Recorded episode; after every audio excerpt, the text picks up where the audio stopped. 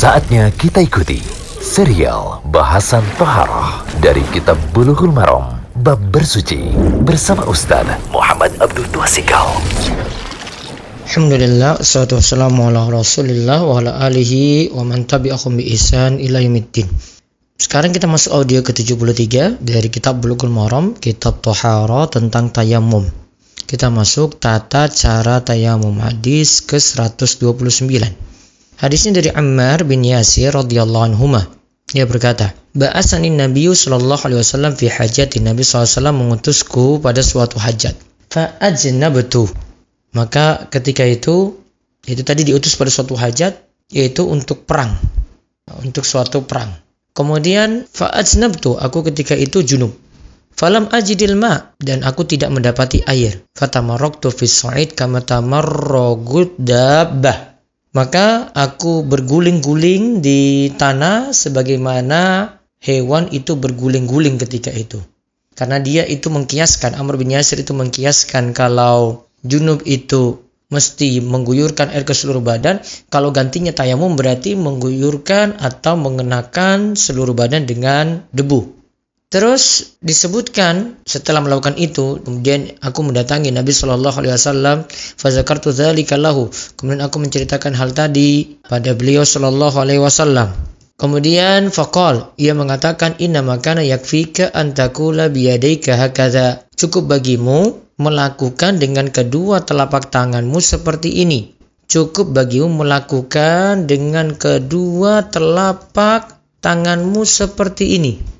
Kemudian beliau menepukkan kedua telapak tangannya di tanah sekali. Summa darba biyadaihi al-ardha darbatan wahidatan summa masaha shimal ala yamin. Kemudian tangan kirinya itu mengusap tangan kanannya wa dhahiru kaffai yaitu mengusap punggungnya wa wajhahu dan mengusap wajah. Di sini sebut tangan dulu baru wajah. Nah, di sini mutafakun alaih diriwayatkan oleh Imam Bukhari dan Muslim. Lafaznya oleh Imam Muslim. Kemudian wa riwayatin lil Bukhari dalam riwayat Bukhari disebutkan wa daraba bi al-ardha dan ia menepuk kedua telapak tangannya pada tanah wa nafakha. Lalu beliau itu meniupnya, meniup tangan yang ada debu tadi biar tidak terlalu tebal. Semua masaha bihima wajahu wa kafaihi. Kemudian beliau usap wajah kemudian telapak tangan, kedua telapak tangan. Kalau dalam riwayat Bukhari disebutkan telapak tangan terakhir, disebut wajah dulu baru kemudian telapak tangan. Nah, di sini jadi dalil tentang bolehnya tayamum ketika seorang itu junub ketika tidak mendapati air. Jadi tayamum itu tidak khusus untuk hadas kecil saja. Bahkan tayamum itu bisa untuk hadas besar juga. Dan ayat Al-Quran menunjukkan hal ini seperti dalam surat An-Nisa ayat 43. Kemudian yang kedua, hadis ini menunjukkan tata cara tayamum dari junub. Yaitu seperti tata cara ketika kita mendapati hadas kecil. Maka tangan ditepuk di tanah, satu kali tepukan saja. Kemudian tangan kiri itu nanti mengusap punggung telapak tangan kanan, kemudian bagian tangan kanan ini mengusap punggung tangan kiri. Ya, lantas itu mengusap wajah. Di sini terserah mau wajah duluan atau tangan duluan.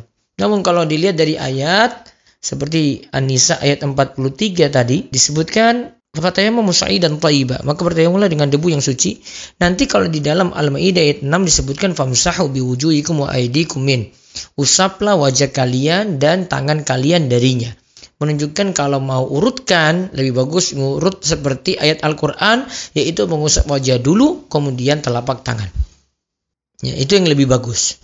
Kemudian faedah yang lainnya lagi hadis ini menunjukkan bolehnya menghilangkan sedikit debu yang menempel tadi tidak terlalu tebal kita itu pakai saat kita itu tayamum. Jadi ringkasnya cara tayamum adalah pertama membaca bismillah, kemudian tangan itu ditepukkan ke lantai, setelah itu ditiup kalau terlalu tebal, kemudian mengusap muka dan kemudian telapak tangan kiri mengusap punggung telapak tangan kanan, kemudian telapak tangan kanan mengusap punggung telapak tangan kiri masing-masing muka dan telapak tangan ini sekali dan itu sudah cukup. Wallahu alam bisawab. Demikian serial bahasan toharah dari kitab Bulughul Maram bab bersuci bersama Ustaz Muhammad Abdul Tuasikal.